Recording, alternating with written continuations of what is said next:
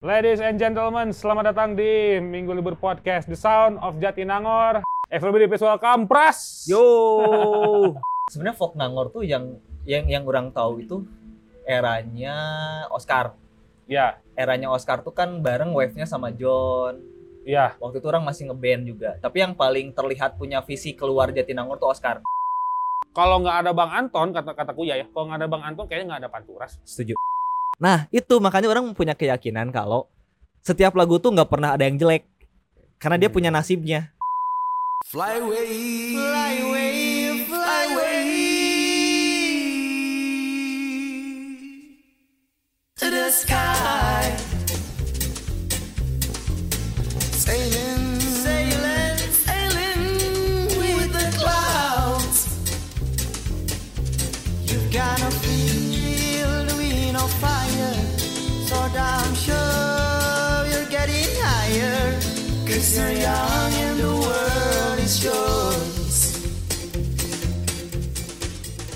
Ladies and gentlemen, selamat datang di Minggu Libur Podcast The Sound of Jatinangor. Kali ini edisi ketiga. Ceritanya edisi ketiga karena sebenarnya ini di tag duluan karena eh, bulan depan beliau orang yang saya akan wawancara ini sudah cabut ke kembali ke Jakarta. Yo. Eh, iya, kembali ke Jakarta eh, mencari pundi-pundi untuk rilis album. yang saya akan wawancara kali ini adalah senior saya di eh, Ilmu Sejarah Universitas Pajajaran. Sama-sama gule anjing, sama-sama himse. Itu sih aing sih te, te, te milu tapi nongkrongnya di dinya. Karena semua manusia teh nongkrongnya kalau nggak di atep gitu ya semua manusia sastra ya rata-rata dan kebanyakan kalau nggak nongkrong di atep nongkrongnya di depan sekre Asli. asli anjing sampai jam 3 anjing kalau orang-orang Segera mah karena tuh boga duit bro. nya Jadi emang minta rokoknya di dinya. Eh, eh, emang emang emang gitu emang gitu ini emang, emang terjadi dan ya eh, eh, hubungan saya sama dia karena ya ternyata main musik juga dan beliau ini dulu eh, ketua bem anjing dulunya dulu ketua bemnya sastra tuh beliau ini dan eh, wah luar biasa lah kalau kalau ngomongin soal persona orang ini everybody please welcome Pras Yo. Nuhun nuhun nuhun nuhun. Duh, orang nunuhun, Pras. Orang-orang yang, yang nunuhun. Dede Yusuf Prasetya. Nama aslinya nih. Sesuai KTP ya? Iya, Dede Yusuf- KTP. Dede Yusuf Prasetya. Eh, orang tuh ngomong soal kita banyak sekali karena ya ka- kami berdua gitu ya. eh, besar di Jatinangor gitu ya. Eh, Yes. ya tum- eh, Tumbuh di sana. tumbuh di sana lah kebanyakan di Jatinangor dan ya rasanya enggak. Ini aja gitu ketika aing di segmen satu anak-anak udah cukup banyak eh, di interview gitu ya. El Carmoya, Bottle Smoker, eh, terus si Oscar Lolang gitu eh, dan juga terakhir si Panturas. Rasanya nggak afdol kalau saya tidak mm, apa nggak ketemu sama orang ini gitu. Karena perjalanannya perjalanan musikalnya cukup eh, edan di Jatinangor sih menurut orang. Eh gimana? Gue pengen mana cerita dong soal perjalanan karir meniti karir di Jatinangor tuh seperti apa gitu. Dari Musik. aw- ya karir musik ya. Kalau musik sebenarnya dulu itu di Nangor nggak ada niatan main musik. Oh gitu. Orang tuh datang ke Nangor memang buat kuliah aja. Makanya kalau dilihat semester 1, 2, 3 lebih banyaknya ikutan organisasi ketimbang kuliah, eh, ketimbang main musik. Justru orang tuh mulai main musik itu pas semester 5. Semester 5. Ah, karena gini, waktu orang masuk maba 2012, itu nggak ada yang berani bikin band gara-gara Olegun. Anjing, Olegun tuh halus pisan. Jadi orang tuh minder buat ngeband.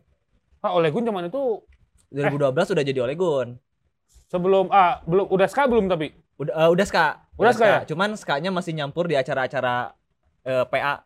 Jadi kan standar standar standar band Nangor waktu itu tuh adalah yang bisa dijogedan.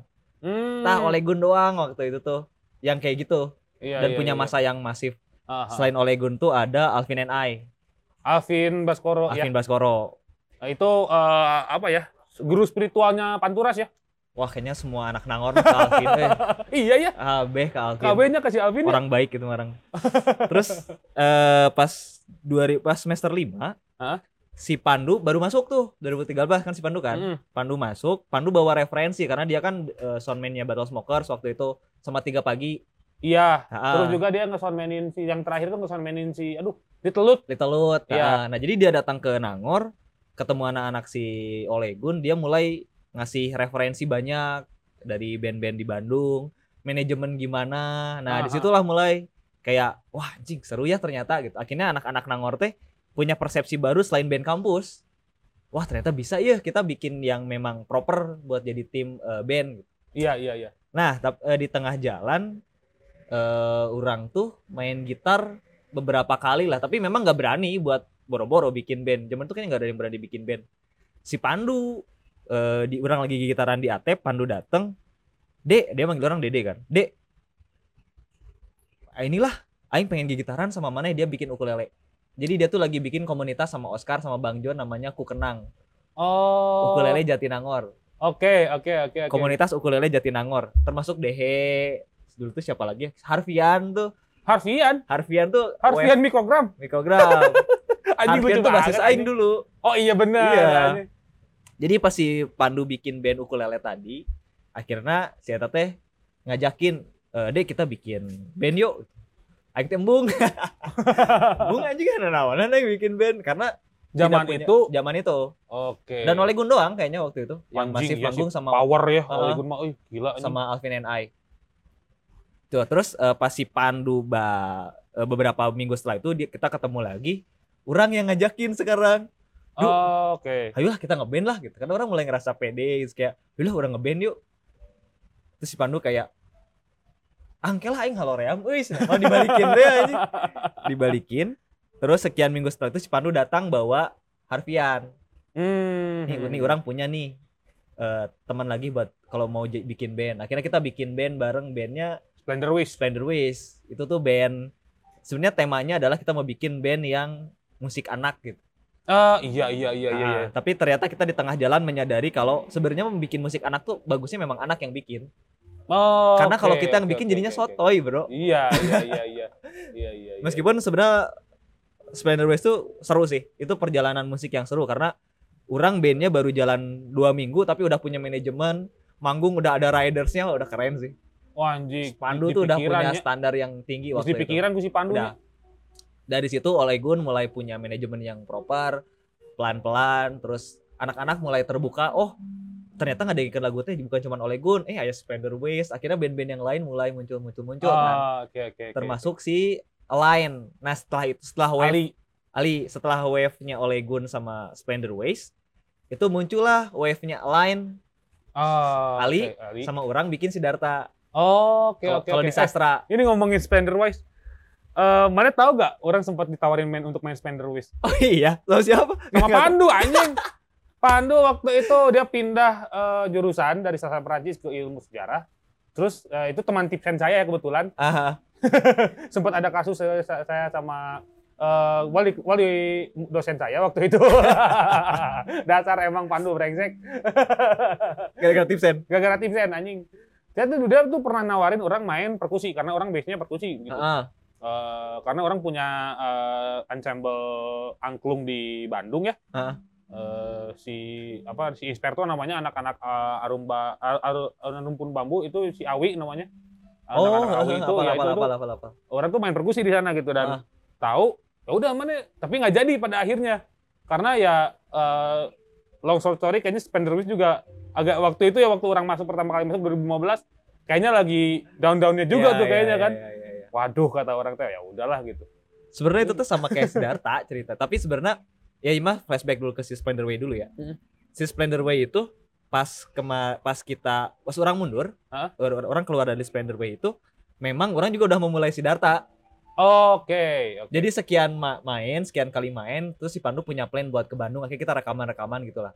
Terus kan biasa ya kalau band lagi berkembang tuh kita suka punya pemikiran kompleks gitu. Yo, Anjing, kudu gila, kudu kieu kudu kieu tiba-tiba gitu kan Iya, ya wajar iya, lah iya. itu pasti Wajar. yang wajar tiba-tiba perfect gitu-gitu nah orang tuh anjing enggak euy gitu karena orang suka dengan Ah. kepolosan itu Iya, iya, iya. karena iya, bagi iya. orang tuh udah mana main ah gitar ribet gitu. ditambah orang skillnya juga gitu-gitu doang gitu kan si Ah, Pandu ribet juga lah. main ukulele gitu kayak aduh enggak udahlah gini aja lah gitu nah di situ lah akhirnya orang mundur dari Splendor Way tapi orang udah udah bikin Siddhartha Oke. eh belum Siddhartha kita orang bikin solo tadinya solo Siddhartha tuh Oh, solo gitu. cuman setelah berjalan oh, orang pengen lebih seru-seru nih akhirnya ngajak yang lain anjing itu juga tuh bagi bagi aing tuh Siddhartha tuh anjing zaman itu ya aing tuh nontonnya di eventnya sastra Jerman pertama Mana yang maba waktu itu ya? Hah? Mana yang maba ya waktu itu? ya? maba Orang masih di Sidarta waktu nonton Jerman. masih Oh. tahun kedua lah eh bukan tahun kedua semester 2 atau tiga lah tahun Berarti. keduaan gitu Iya 2014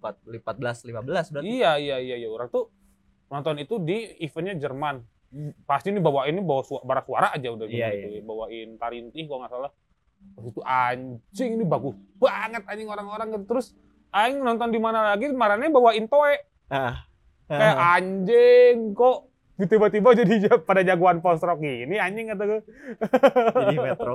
jadi metrok anjing jadi jadi post rock post rockan post rock Jepang zaman itu kayak anjing wah ini edan sih Ben tapi eh, kenapa sih akhirnya si Darta bubar anjing bagus banget itu kayak anjing Ben goblok nah aku udah bubar sih Iya. Jadi gini, orang-orang cerita dari kebangunnya kalau ya. Si Siddhartha itu tadinya buat proyek solo. Ah. Eh, orang tuh orang menyadari kalau orang tuh egonya gede. Itu kebentuk dari sebenarnya dari dulu sih, untuk- tapi kalau di Spenderway pun orang kayak gitu. Orang Ah, tuh punya ego yang besar gitu dan kadang-kadang tidak semua orang bisa memfasilitasi ego orang ini. oke Gitu kan? Ini prosesnya nih. Iya. Terus ketika orang ngebangun si Siddhartha, orang tuh dengan perasaan yang kayak gitu. Udahlah aing keluar dari Spenderway. Terus orang tuh punya perasaan ego kayak anjing aing nyen band lebih halus. Gitu, mikirnya gitu kan kayak aing nyen band lebih halus. Dan waktu itu tuh memang bara suara kayaknya baru naik-naiknya tuh. iya 2015 tuh Ah, bara Iya. suara tuh baru baru naik-naiknya. Nah, orang tuh waktu tuh bikin solo itu arahnya lebih ke efek rumah kaca. iya iya, Arahnya iya. lebih ke sana dibantuin sama si Umen. Oh iya anjing Jadi dulu itu zaman Wah, orang anjing Umen aing udah udah lama banget nggak ketemu Umen anjing Nah, bangsat anjing ya Jadi gini, orang kan waktu itu udah di BEM. Orang ngebangun Siddhartha tuh orang orang udah jadi ketua BEM. iya iya iya Udah di kampus, tapi orang orang suka bikin jamming-jamming di belakang blue stage. Ah, ah, Sampai di ada- Gorki Ingat gak ada tulisan kayak BEM atau ketua BEM atau BEM? iya iya itu iya, rame tuh kan di Iya, kampus iya, waktu iya. itu karena orang lebih sering bikin jamming di belakang blue stage gitu. iya. Ah, ah, ah. Karena urusan BEM ya urusan BEM aja bisa aja dari personal Iya orang ada sebenarnya gitu. ini apa ada proyekan mah tuh anjing perunggu wae ge ada anjing anak-anak eh, Gojek atau anjing kerjanya di ini anjing kerja di startup keren semua gitu anjing. Nah itu tuh perasaan-perasaan kayak gitu kan ah, anjing aing bikin lah ego ego ego ego usia kayak gitu lah. Ah, anjing aing bikin lah band yang lebih oke gitu. Akhirnya ngegarapnya si orang bikin solo dibantuin Umen. Wiku ngebantuin main flute tapi belum kuliah di Unpad. Oh iya. Orang ada tuh Iya, masih iya, ada tuh iya, videonya iya, orang iya. pertama kali main tuh di Ya, gua tuh acara 2016 ya. Fieldek. Wiku 2016 baru masuk. Iya, baru masuk kan Ah, 2016. 2016. 2015 tuh orang main di Pildek, opening Pildek, orang main sendiri sama si Umen. Di momen itu orang ketemu sama Ojan punya band post rock. Ah, ah. Ojan tuh bikin band post rock sama Pasha, anak-anak Jerman. Ah, Anjing oke nih. gitu. Tapi pertama kali yang kepikiran tuh bukan orang ngebangun band sama Ojan. Orang nonton si Robi acara sama lain tuh anjing si Obi. enggak belum. Obi TR itu jadi bareng acaranya Makrab Sastra Indonesia. Oke. Orang sama Ali tuh nonton di atas. Kan kita kan suka nangkring tuh di Iya, kalau iya, di iya, stage kan. Iya, iya. Mas Ali ngobrol. Cigi drummer halus li, sahali. Gitu. Wah, aing aing harus nih ngeband sama dia nih. Orang mikir gitu doang, Iya, tapi iya, nggak iya, waktu itu kan Obi rada-rada freak ya. Maksudnya rada-rada freak tuh berbeda dari anak Sasindo lainnya lah. Iya. Gitu kan. Jadi kayak anjing susah banget nih ngedeketin si nya gitu.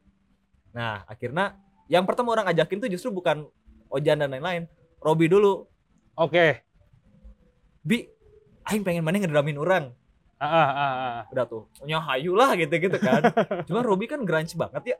Kenceng banget. Kenceng banget kan. Power, Obi mah power hitungannya. mukul-mukul drum tuh kayak bedak bedak bedak gitu kan. Hmm. Wah anjing repot bro. Tapi orang tuh berpikir kayak ini harus Robi nih yang main drum. Iya, iya, iya. Akhirnya orang nyari Ojan. Jan, orang mau bikin band. Orang mau bikinnya gini gini gini gini. Oh itu referensinya si Bara Suara. Aing mau bikinnya referensinya si Bara Suara nih. Terus kayak si Ojan cocok. Hmm. Anjing, hayu lah kita cobain. Cobain manggung. Eh bukan manggung, kita bikin latihan. Iya, iya, iya. Eh, orang tuh ada anak Sasing, si Tias, itu lagi main acara makrab juga, Iya, iya. makrab Sasing. Cing ini kayaknya bagus nih, ayo ngajakin. Tias, Tias, ikutan yuk latihan yuk. Jadi dulu tuh nggak bilang mau ngeband, cuman eh itu ikutan Jamming yuk, ikut jamming gitu. Jamming, latihan. Cocok. Ah, ah, ah. Setelah beres itu si Robi ngomong, eh ada si angkatan orang eh, penyanyi paduan suara Unpad bagus, Cici Cici.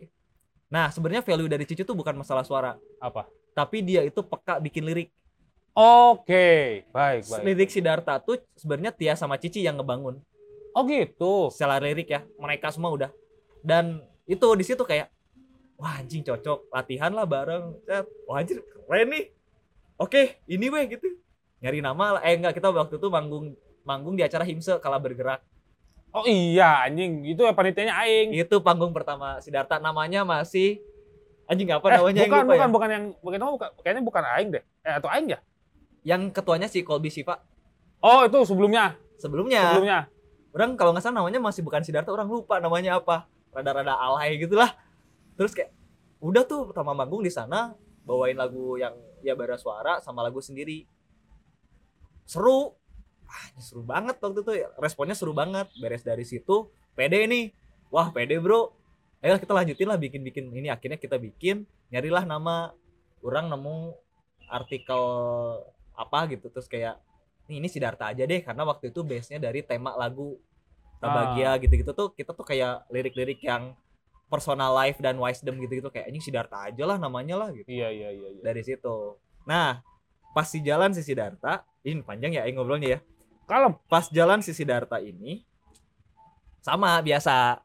Fase kedua setelah ngeband adalah kita jadi sotoy. Ya. Ego ya. Ego masing-masing kayak gitu kan kayak jadi masing-masing punya persepsi perfect masing-masing kan. Oke. Itu kayaknya semua band ngalamin itulah. Per- persepsi perfect masing-masing dan wah kayaknya Siddhartha kalau gini keren, kalau gini keren, kalau gini keren. Kita rumbuk-rumbukan-rumbukan.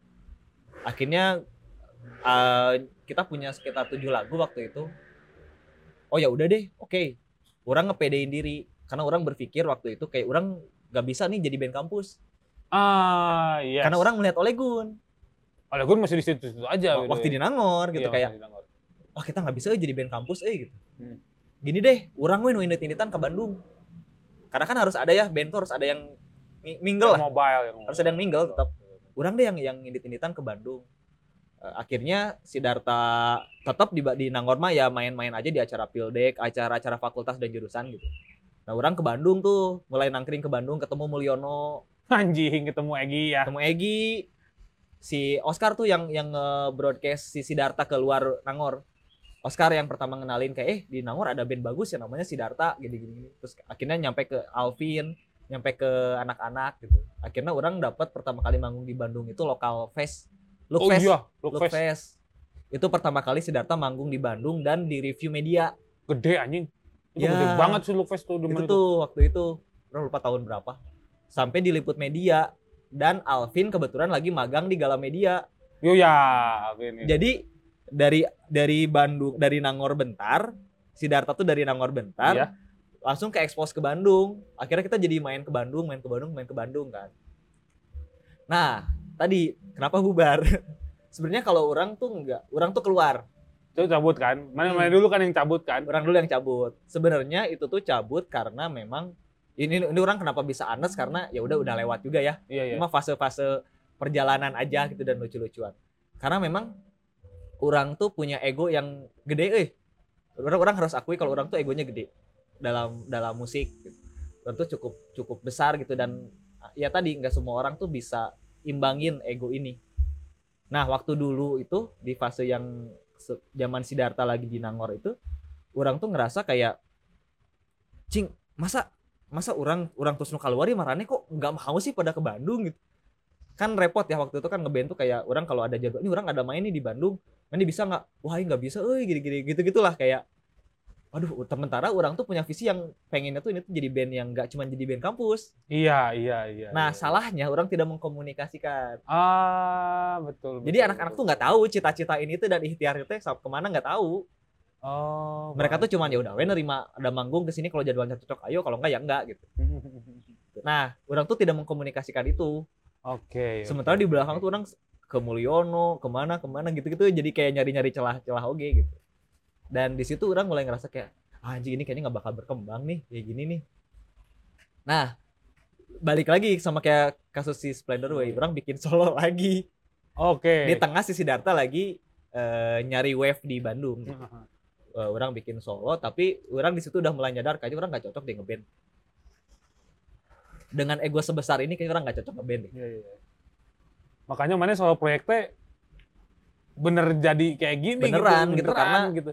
Ya udah ini orang gitu dan Iya, dan iya, ketika iya, iya. orang ketika ada orang yang ikut di situ pun dia ngikut apa yang ada di kepala orang gitu Ah, ah, ah, ah, ngegambarin apa yang ada di kepala orang Iya, iya, jadinya iya, iya. jadinya match gitu Ah. dan orang juga nggak punya tuntutan kayak harus nungguin dia atau itu nggak ada karena ya udah kalaupun gajal orang orang main sendiri aja simpel gitu kan tapi gara-gara Itu justru orang enaknya jadi, jadi solois itu ngeunahna kita kita si pras mau dulu. ya, ya Eh, Oke sih gitu. mungkin untuk tipikal orang tuh cocok Iya. yang egonya betul. besar kayak gini tuh Iya, cocok mungkin cocok. ya. Terus pas eh, manggung di Jatinangor terakhir, orang statement lah kalau ini manggung terakhir orang kayak orang orang Dani dengan Sisi Darta itu tuh kalau nggak salah kalah bergerak angkatan Iya. angkatan mana? Betul, betul, betul. Bawain empati tamako anjing mungkin banget. Ya, situ. Bukan aing yang ngomong ya, teman aing anjing tuh ada tuh band ini katanya waktu yang manggung di Kala Bergerak bawain empati tamako katanya. Oh iya anjing, iya. Soalnya si Siddhartha itu udah dewasa sih secara pemahaman alat sama referensi musiknya udah dewasa. Wah, wah. Jadi Edan. jadi memang waktu itu kenapa bisa bisa terkesan kayak manggungnya rapi gitu-gitu karena memang kita juga udah mulai nguasain alat, timnya Ah. juga dibangun proper gitu. Iya, iya, iya. Jadi kayak kita belajar dari evaluasinya si Olegun gitu-gitu. Jadi dari pengalaman-pengalaman sebelumnya kita kumpulin dan ya si Siddhartha akhirnya jadi punya yang proper gitu. yes. Secara penampilan gitu. Iya, iya, iya, iya. Di situlah orang akhirnya ya ngobrol sama anak-anak, wah nggak bisa bro, nggak bisa lanjut nih. Maksudnya orang tuh nggak mau ego orang tuh menekan mereka. Hmm. Ini orang tuh orang tuh berpikir sampai ke sini nih. Oke. Tapi mereka waktu itu udah mau lulus-lulus kan. Jadi kayak ah enggak lah ini mah hayal babu lah ngeband ke jadi beneran jadi musisi mah gitu. Enggak, iya, iya. Jadi maklum orang juga kayak oh ya udah nggak apa-apa. gitu. Sampai akhirnya orang tapi orang seneng karena Obi akhirnya bisa main tidak keras. Setelah itu dia masuk ke El Carmoya. Iya. Orang seneng karena gini. Setelah beres si Siddhartha, ternyata anak-anak tuh nemu pet masing-masing gitu. Ah, Cici, oke. Cici sekarang jadi penyanyi loh. Di- Oh, iya? Heeh, Cici jadi penyanyi di tempatnya dia. eh terus di- selain selain dia nyanyi wedding, dia juga punya single juga di di tempatnya dia. Terus si Robby ya jelas dia main di beberapa band kan dan dia bikin The band sendiri juga. Factum. Anjing Obi tuh gila The Factum terus main sama Gugi Marvel, sama Dias Volta. Dias Kilas ya ya segala respect eh, dia di dunia podcast ya gitu ya Su. karena dia eh, punya satu podcast sama Rumpis Dedis dan saya sangat saya, sangat eh, suka mendengarkan Rumpis Dedis gitu. Terus ya banyak sekali itu Obi tuh anjing gila banget ini ya. Jadi jadi monster Obi. Sama si siapa? Summer Summer Puppet Summer, Puppet Mafi sama ya. sama Kif anjing tuh gila sih emang Well, manusia well, sih well. gila bisa. Nah, orang pengen nanya satu nih. Akan nggak? Apa tuh? Akan nggak Siddhartha comeback for one uh, for for once of lifetime? Ya ya ya. Kalau dibilang enggak kayaknya nggak mungkin. Maksudnya eh, orang juga udah sempat beberapa kali setelah orang menyadari ego orang yang ini gitu. Kayak orang mengakui ke mereka kalau bro maaf ya gitu. Orang minta ke satu-satu orang minta maaf gitu. Dan orang ngajakin mereka buat bikin lagi. Mungkin belum ketemu aja. Lebih ke Oke. belum ketemu aja sih. Maksudnya orang udah beberapa kali menyampaikan kalau yuk yuk bikin lagi yuk, yuk bikin lagi yuk. Iya. Karena orang nyadar kalau waktu itu memang ego orang aja.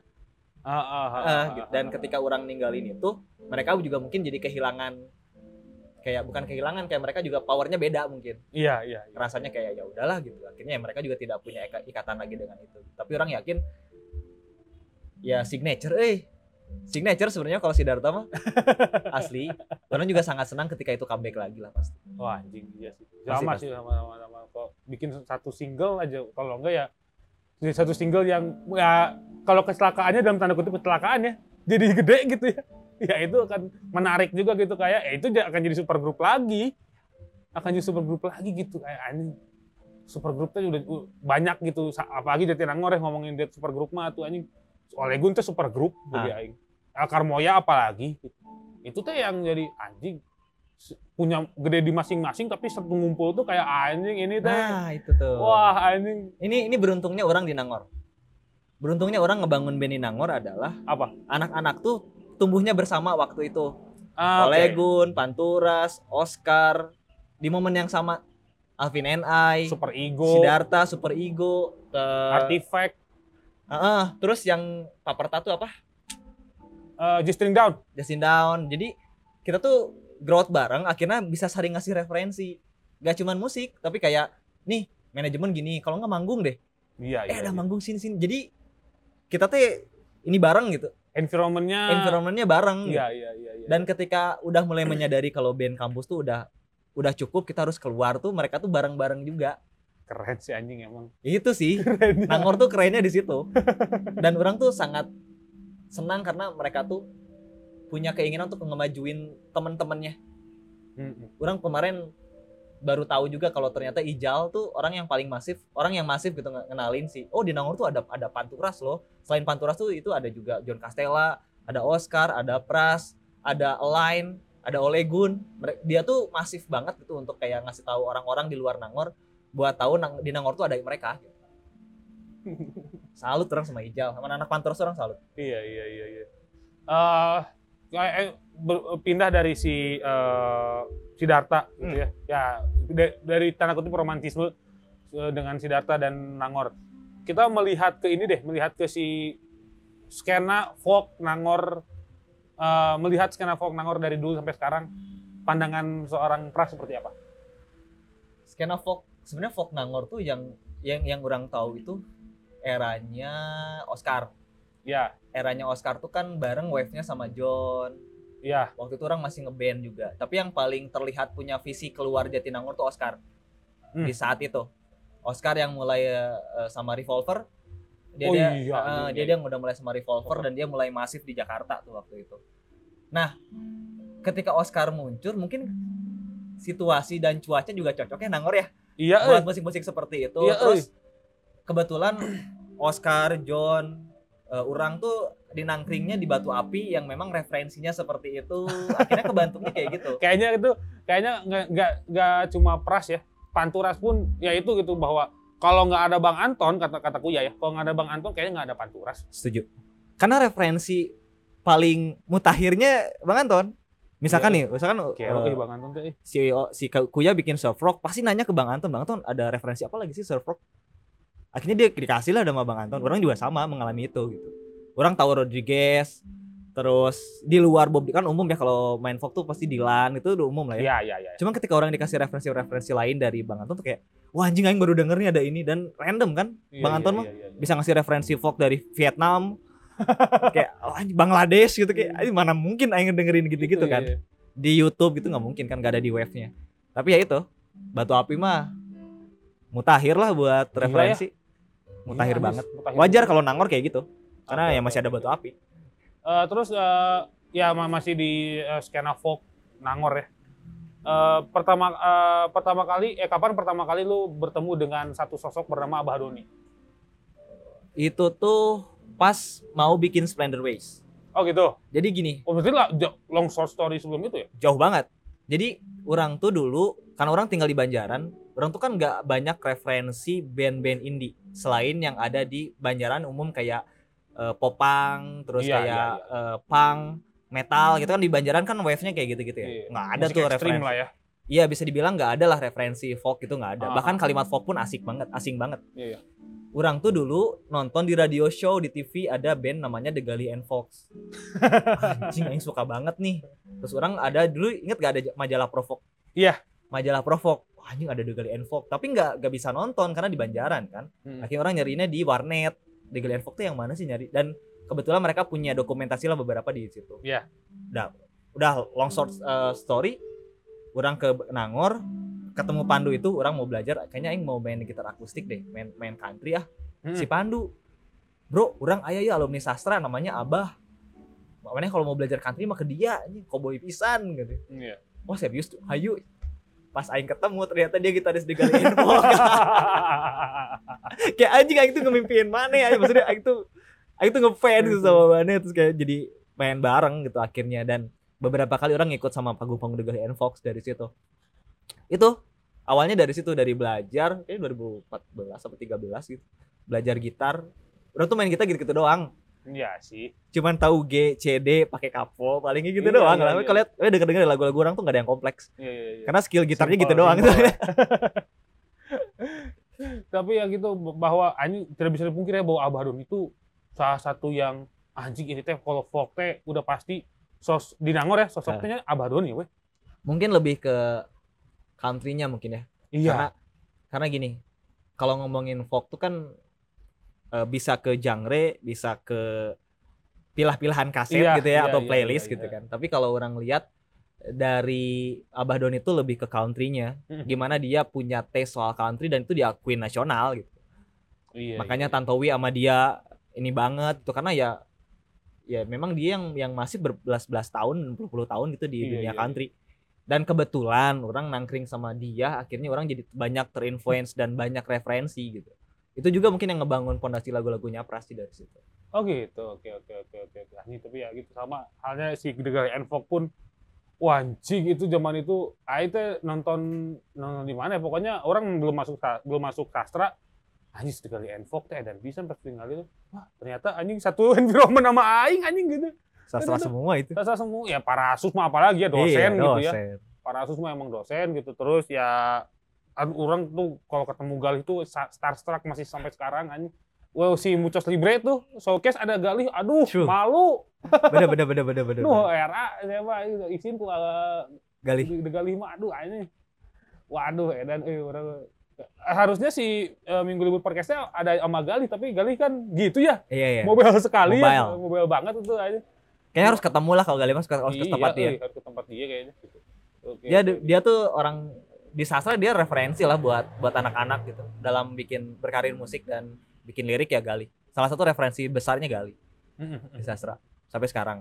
Oke oke oke oke. Melihat eh, skena yang sekarang. Kalau kan itu zaman dulu ya. Kalau sekarang lu melihat skena Jatinangor seperti apa? Yang umum ya? Jujur ya, orang tuh sebenarnya terakhir mantau skena Jatinangor itu pas 2018. Ya. Karena karena pas orang ke Bandung itu udah mulai nggak banyak nih referensi di Nangor tapi kayak orang dengerin beberapa orang kayak Avi gitu main ke Bandung terus dia bikin band Pop at Summer kayak makin wah ini ternyata seru eh gitu Iya iya.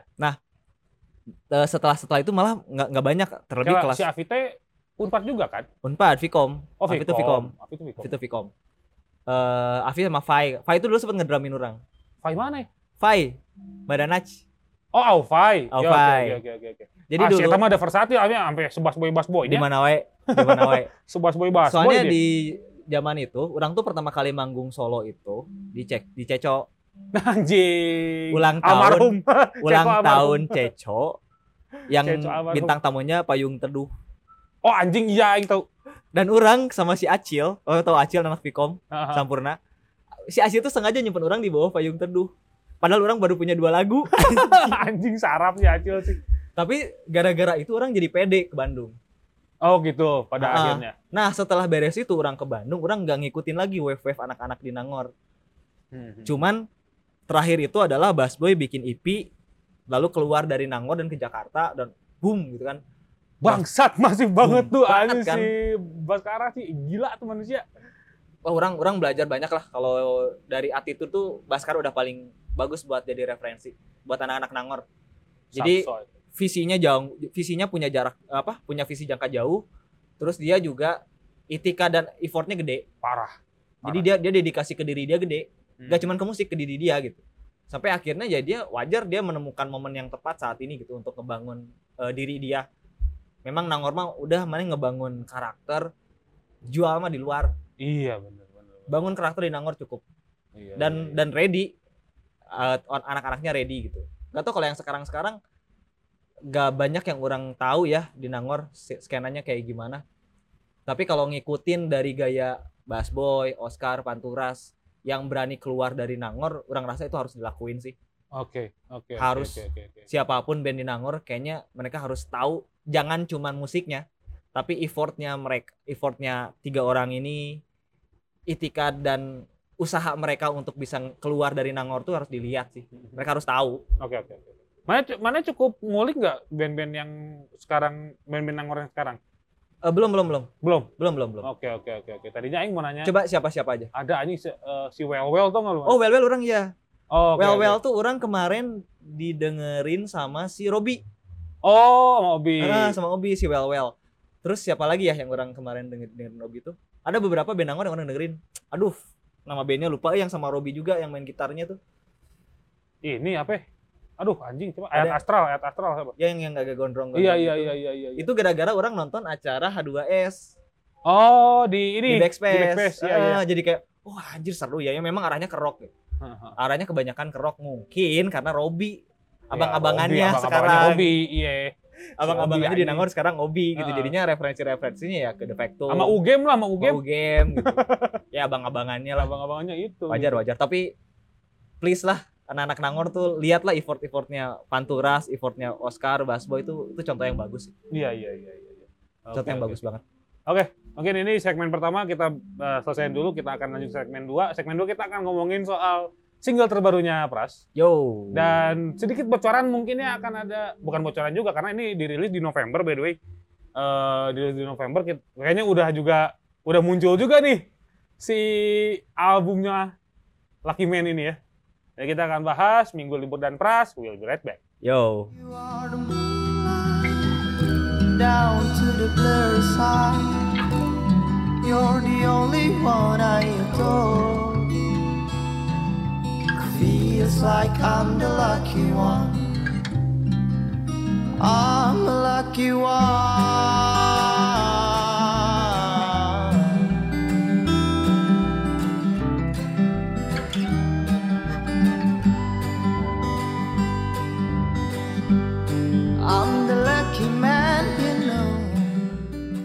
Kembali lagi di eh, Minggu Libur Podcast The Sound of Jatinangor masih bersama Pras. Ya ya yay. Oke, eh, kita di segmen ini ngomongin soal eh, apa ya updating ya, updatingnya Pras gitu ya. Eh, mengeluarkan single terbaru berjudul Love Is. Sebenarnya kalau orang ngebahas, orang sudah banyak sekali ngebahas Pras di Minggu Libur Podcast Weekly Report. Gitu aja waktu sama si Om John itu ternyata judulnya panjang pisan Pras apa judulnya? Cause you're young and the world is yours. Iya, anjing itu panjang pisan anjing. Ada yang itu pas ngebahas yang si Love Is ya kemarin. Ah, Aduh sama Om Jun tuh judulnya apa anjing udah panjang pisan juga. gitu terus sebelum itu juga ya eh, kalau mau dirunutin dari atas ya si Lucky Man duluan berarti ya. Eh, kita ngomongin kalau ngomongin soal love is eh, sebenarnya definisi cinta menurut Pras seperti apa? Oke. Jadi kalau orang mah melihatnya udah terimain aja ya cinta Oke. mah. Jadi sebenarnya gagasan dari love is itu bukan soal perasaan, Hmm? tapi lebih ke menerima situasi Oke. apa pun. Makanya di liriknya tuh kayak love is the rain that help flowers grow. Buat Iya. beberapa orang kan hujan tuh menyebelin ya.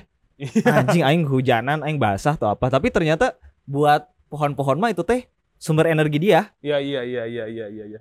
Jadi di momen yang sama teh itu cara Tuhan sayang ke orang tuh bisa dengan memberikan hujan buat orang yang kurang air Heeh. dan buat tanaman, tapi bisa juga ngasih ketidakberuntungan buat orang orang yang gak mau kehujanan gitu. Iya iya Iya kan? Iya iya iya. Bener nggak? Iya iya. eh, bener, gitu bener. maksudnya. Jadi orang tuh melihat love itu lebih ke sana, Ah, lebih ke ah, ah. gimana lu menerima situasi lu. Ya itulah cinta berarti. Makanya di ending liriknya adalah love within you. Iya iya iya iya. iya. Karena hidup yang bahagia mah yang maneh terima. Oke. That's it. Oke. Oke. Apa pun apa pun situasi dan apa pun hidup yang bahagia ada karena bahagia bukan masalah duit Hmm. tapi kalau mana punya duit cuma 2000 perak kalau mana bersyukur ya itu mana akan tetap happy Iya. that's it gitu Iya, iya. ya gitu Oke oke oke oke. Anjing. cing Jeronya. wah jeruk pisan anjing gitu. Terus eh, lanjut lagi se- proses kreatifnya Love Is seperti apa sih sebenarnya? oke nah ini nih kadang ada orang yang suka nanya ke orang kayak gimana sih mana eh, bikin lagu terinspirasi dari apa gitu gitu ya orang harus jujur tidak semua lagu yang orang bikin itu orang lakukan dengan sadar dan Love Is itu termasuk lagu yang orang tuh tidak nyangka orang yang bikin Oke. itu banyak banget Love Is itu pertama kali dibikin itu justru refnya dulu orang tuh punya kebiasaan bikin lagu itu selalu nyimpen di Notes. eh, voice memos Oke. jadi kalau mana lihat voice memos orang tuh Anjing. Banyak juga by the way. ini orang dari 2018 kayak gitu Oke. dan orang tuh kayak kepikiran misalkan ada orang lagi jalan di motor terus kepikiran ada na na na na na na na aing rekam na na na na na sampai jalan matiin sudah nah Love Is itu muncul dari refnya dulu Oke, secara bagan ya. secara bagan refnya dulu terus nah nah nah nah nah nah nah nah nah, nah. oke rekam cet Eh, verse-nya itu mungkin ya dua tiga bulan setelah itu baru jadi verse-nya Anjing, panjang juga. panjang Panjang juga durasi eh, apa produksian produksi secara, secara, apa? lirik dan bagan Iya, iya. Panjang juga. karena orang tuh punya keyakinan kalau musik itu kayak anak lu Oke. lu tuh nggak bisa maksain dia cepet-cepet jadi Ah, Oke, oke, oke, oke. nggak harus oke. dipaksain dia cepet-cepet jadi nggak harus dipaksain dia perfect Oh, baik, baik, baik, baik, Perfect. baik. makanya ketika orang bikin Love Is di versi awal Ah, ah. itu semuanya di keep Lucky Man semua semua lagu orang tuh versi awalnya ada Oh. mau oke, yang liriknya berantakan semuanya ada. Ah, ah, ah, ah. karena dia akan growth seiring waktu gitu. Yes. dan gimana anak ya dia punya nasib masing-masing gitu. Ada yang nasibnya dia keluar kuliah di luar negeri ada yang nasibnya di rumah-rumah aja gitu. Ya Iya, udah iya, nggak iya, apa-apa gitu. Iya, iya, iya. karena dia punya nasib masing-masing. Dan proses kreasi love itu sebenarnya dari situ. Orang-orang tuh bikin lagu tuh kayak gitu. Treatmentnya semuanya sama. Makanya orang lamban lah produksi lagu. Nggak kayak beberapa musisi yang lain gitu yang seangkatan orang. Mereka masif gitu. Orang orang termasuk yang lamban nah tapi orang tahu ketika orang bikin lagu itu pasti dia ketemu jodohnya. Oke, oke, oke. dan selalu terjadi kayak gitu. Dari zaman Lucky Man. Wah bro Lucky Man tuh raw banget ini bikin. Tapi ada PH dari Jakarta tiba-tiba nelpon Pras kita mau bikinin video klip buat Lucky Man boleh nggak? Kenal juga enggak anjing DM akhirnya orang jadi kerja sama panjang sama dia. Terus eh Love Is pun sama. Ketika lagu itu jadi di 2019 tuh dia nggak nemu momennya. Dia nggak ketemu tuh jodohnya. Orang juga nggak mau main musik lagi. 2019 2020 sama. 2021 sama. September 2021 baru. Orang datang ke Bandung. Orang orang siap nih ngegarap lagi album. Orang mau ngegarap lagu Love Is. Ketika orang udah punya niatan kayak gitu tiba-tiba ya jadi aja gitu. Kayak oh orang nemu studio nih yang pas. Ah. oh orang ngajakin si Abah deh eh Abah ngajakin yang ini tuh kayak nemu jodohnya sendiri gitu, gitu. nemu jodohnya sendiri bahkan sampai ke cover-cover kayak gitu Nah, itu cover dibikin siapa BDW? Sam Sam, Sam. bilang Sam Gilang. yang bikin Sam Sam John Iya, iya, iya, iya, iya. iya, betul, betul. kan Kosiodang tuh dibikin sama Sam Iya, iya.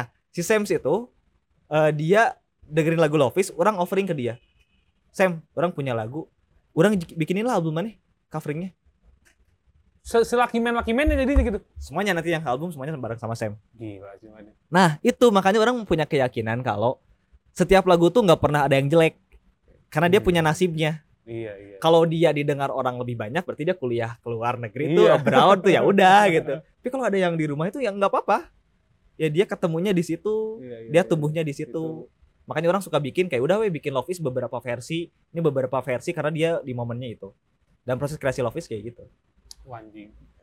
jodoh bro Jodohnya. jodoh Gila sih anjing. tateli jodoh eh ngomong- ngomongin lagi soal si eh, Love Is. eh sebenarnya tuh pertemuan dengan Abah Doni dalam hal ini apa ya nama nama si grupnya ya tadi tuh Bluegrass apa? Eh, Grass Project Oh, Grass Project. Nah, itu ketemunya gimana tuh dengan Ah. eh, si Grass Project ini? Oke. Jadi sebenarnya kalau Love Is itu memang udah base bagannya country dibikinnya. Oh, oke. Waktu itu kayak memang karena ya gini lah. Orang tiap orang sering dengerin musik-musik country pasti referensinya bakal larinya ke sana lah ya nggak Hmm, jauh gitu. hmm. Akhirnya ketika orang waktu itu lagi denger, demen dengerin eh, John Denver, bah orang punya lagu nih bah. Eh, terus sama abah tuh sama-sama connect kalau wah ini mah eh harus kayak gini nih. Nah ketika itu udah connect, abah tuh lagi ngegarap band di TVRI. Oh ya. Iya, abah-abah jadi backing bandnya di TVRI yang country itu. Aha. Di situ mulai kayak, wah ini mah perlu ini pras. Dia kan yang nge-produce ya. Wah pras ini mah perlu dobro. Ini ini udah dibikin pure country aja. Ini kita bikin aransemennya pure country tanpa drum. Karena lagunya udah gini. dia. Ah, ah, ah. Jadi ketemu sama abah tuh kayak gitu. Nah kenapa akhirnya dikasih nama si Grass Project? Karena orang tuh nggak mau lagi membawa pras sebagai persona band, eh, sebagai persona sendiri lagi di album ini. Oke. kalau kamu lihat nih semua album Pras nanti ya aku aku share itu featuring dari single aja coba lihat semua singlenya Ada Om John, semuanya featuring di situ Ah. kecuali Lucky Man Itu Lucky Man. karena belum kepikiran seperti itu. Oke, oke, oke. Kalau sekarang semuanya satu album itu semuanya udah featuringan. Oh, baik, baik, baik. Kenapa? Karena orang tuh menganggap musik pras itu cuman kanvas Oke. dan semua orang bisa ngegambar di situ. Mau Ah. artworker, mau podcaster, mau siapa pun boleh ngegambar di situ. Dan orang terbuka dengan itu. Oh, baik, baik, baik, baik. Wah, anjing keren. Oh, gila ini ternyata di album ini tuh Oh iya iya jadi jadi apa? Jadi media eh tersendirinya dari Pras mungkin ya? Ya. Gitu ya. Ya itu jadi kanvas lah buat orang dan akhirnya ya kayak kemarin Hejima gitu. Pras gue bikinin video ya. Terus ada si Alif, Pras aing bikinin foto profile, aing bikinin video. Jadi kayak ya udah yuk ini jadi media berkarya bareng. Iya, iya, iya, iya. Pada iya, akhirnya iya. gitu. Pada akhirnya kayak gitu. Pada akhirnya kayak gitu. Jadi apa ya? Jadi mungkin karya ini lu jadi lebih luas mungkin ya. Luas luas luasnya karena ya eh, yang terjadi gitu si si eh, album ini gitu si karya ini tuh kayak oh ini mah ya udah di, di di- apa ya, di open sourcing aja gitu. Di open sourcing aja gitu. Jadi ini lepas lu mau eh, apa menggambar apa pun gitu ya di di, di eh, menggambar dan menggambarkan apa pun di karya ini tuh ya bebas gitu jadinya gitu. Tuh. Makanya orang tuh jarang ngasih definisi tentang sebuah lagu. Oke. Jarang. Karena bagi orang siapa pun bakal punya definisi masing-masing soal si lagu. Termasuk definisi dia dalam mengkarya. Oke. Jadi orang nggak pernah ngatur kayak ini logonya harus kayak gini nggak ada. Karena ketika lagu itu udah dirilis itu jadi hak siap semua orang. itu harusnya itu itu itu aduh iya iya iya itu yang dilupakan sama musisi-musisi kita mungkin ya Orang, orang udah nggak punya. Love is, Love is udah bukan punya orang. oke Love is, Love is udah bukan punya orang. Ketika orang pengen lagi punya orang, orang bikin lagi versi lain.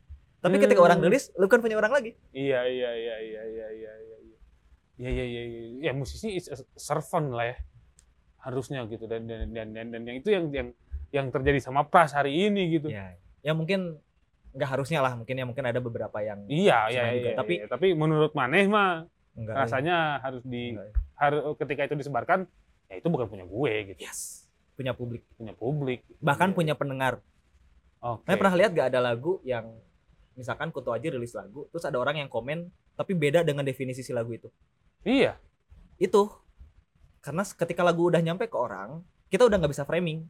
Hmm, ya ya ya. Biarkan pendengar yang ber, ber- apa yang yang ber inilah ya, ya yang yang ber Yang merasa relate. merasa relate itu. gitu. Oh, ini gue relate gitu. Tapi ya ah, dalam eh, pikiran si posisinya bukan ini sebenarnya, tapi ya nggak apa-apa juga gitu. Betul. Oke, oke, oke. oke. Gitu dia. Oke. Eh, rencana ada berapa track yang akan muncul di album Lucky Man? Di album ini tuh bakal ada tujuh track Ya. sama satu track bonus yang Lucky Man versi awal banget. Oke. Jadi orang nyelipin satu lagu eh, yang versi awalnya dari Lucky Man. Hmm, Jadi semua sebenarnya komplit sih. Orang punya archive dari semua lagu-lagu yang orang garap, termasuk yang liriknya masih jelek gitu. Tapi itu adalah proses. iya iya. Nah, iya, orang tuh iya. sangat respect dengan proses-proses itu. Makanya orang selalu simpen semua dokumen-dokumen rekaman itu. Mana cukup eh, rap- merasa rapi untuk mengarsipkan itu nggak? Kayaknya baru-baru ini sih. Karena sempat laptop hilang ya. Jadi beberapa file yang zaman Siddhartha juga hilang gitu. Padahal Oke. sebenarnya komplit. Zaman Oh, gitu. Pun rekaman gitu-gitu masih banyak. Lirik-lirik yang raw masih banyak. Pras apalagi. Cuman sebagian hilangnya di laptop eh. Udahlah cloud aja lah zaman sekarang mah udah. Iya, udah, udah, udah paling op, eh, aman tuh ya cloud tuh ya. Iya. Orang kalau main lihat di YouTube-nya Pras itu dari manggung pertama Ada itu. ya. di tenda Heeh. sampai manggung gede dan ada video klip semuanya ada di situ. Karena orang respect dengan proses itu. Iya, iya, iya. iya. Dengan orang yang kumal gitu. Itu pasti ada. Wah, anjing, iya, iya, iya. iya. Eh, ini sih menurut gua adalah ya ini kalau udah lama juga mungkin eh, di, di 15 menitin aja lah kalau ngomongin ini mah. Eh, pertanyaan terakhir karena album ini judulnya Lucky Man. Seberapa beruntung seorang Dede Yusuf Prasetya? banget, Bro. Banget.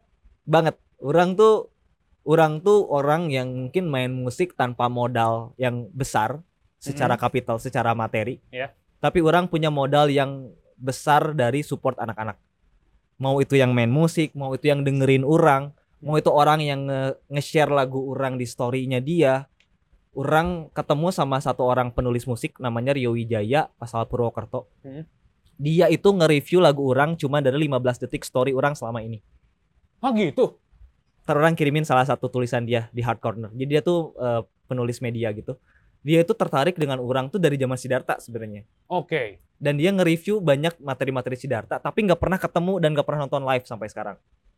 Ah. Sampai dia bikin tulisan soal gimana dia melihat Pras dari 15 detik story yang selama ini dia post.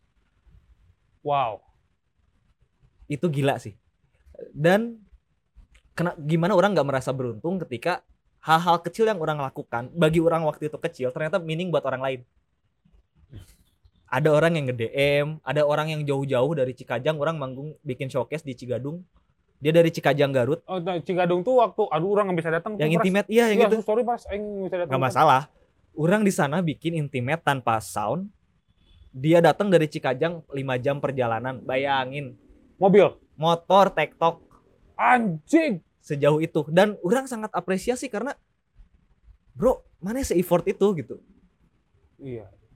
Untuk orang yang mungkin jauh dari apa ya, jauh dari kayak wah, aing tuh dikenal gitu enggak gitu. Tapi dia kita tuh terkonek Hmm. kita terkonek dari story-story dari pos-posan lalu dia interest buat datang wah itu mahal mahal sih. itu yang bikin orang akhirnya bermusik lebih lebih jauh gitu. Karena cing ternyata apa yang maneh lakukan tuh bisa jadi dampak yang positif buat orang lain. Apa pun. Maneh bikin podcast maneh bisa menginspirasi beberapa orang yang bikin podcast juga. Iya. jangan pernah aing percaya sih jangan pernah ngecilin effort sekecil apa pun sih. Jangan. Mana harus percaya ketika mana bikin podcast ini mana pun akan bertemu dengan orang yang cing aing teh gara-gara dengar minggu minggu libur podcast orang bikin podcast ini. Kita nggak pernah tahu Oke. sumpah nggak pernah tahu makanya harus selalu total kapan pun. Oh iya. ride or die Iya. Wah anjing.